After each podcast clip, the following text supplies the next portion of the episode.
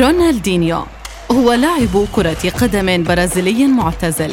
يعتبر رونالدينيو من أفضل لاعبين كرة القدم على مر التاريخ وآخر فريق لعب معه هو فلومينينس البرازيلي وهو مختص بالركلات الحرة وقدرة كبيرة على المراوغة الاستثنائية واللعب السريع.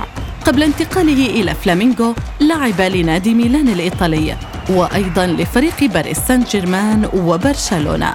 وأحرز مع الفريق الإسباني دوري أبطال أوروبا لأول مرة عام 2006 ونال الكرة الذهبية عام 2005 وحصل على جائزة أفضل لاعب في العالم التي تقدمها الفيفا سنويا عامي 2004 و2005 وأصبح مواطنا إسبانيا في يناير 2007 وأيضا اختير رونالدينيو ليكون من أفضل لاعبي برشلونة على مر تاريخه.